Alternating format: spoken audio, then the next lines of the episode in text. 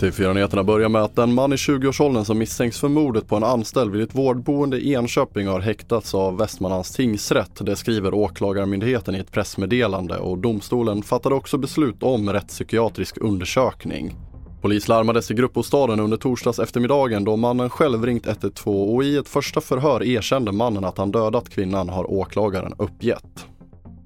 Vi fortsätter med att det är fortfarande ingen som har gripits efter skjutningen i Upplands Väsby norr om Stockholm sent igår kväll. En man i övre tonåren skadades och fördes till sjukhus med ambulanshelikopter och polisen utreder händelsen som misstänkt mordförsök och grovt vapenbrott. Och vi avslutar med att Fifas president Gianni Infantino höll idag en presskonferens inför VM-premiären.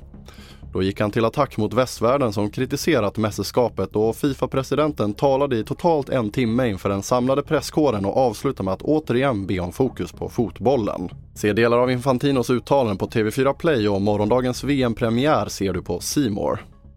Fler nyheter hittar du på tv4.se. Jag heter André Metenen Persson.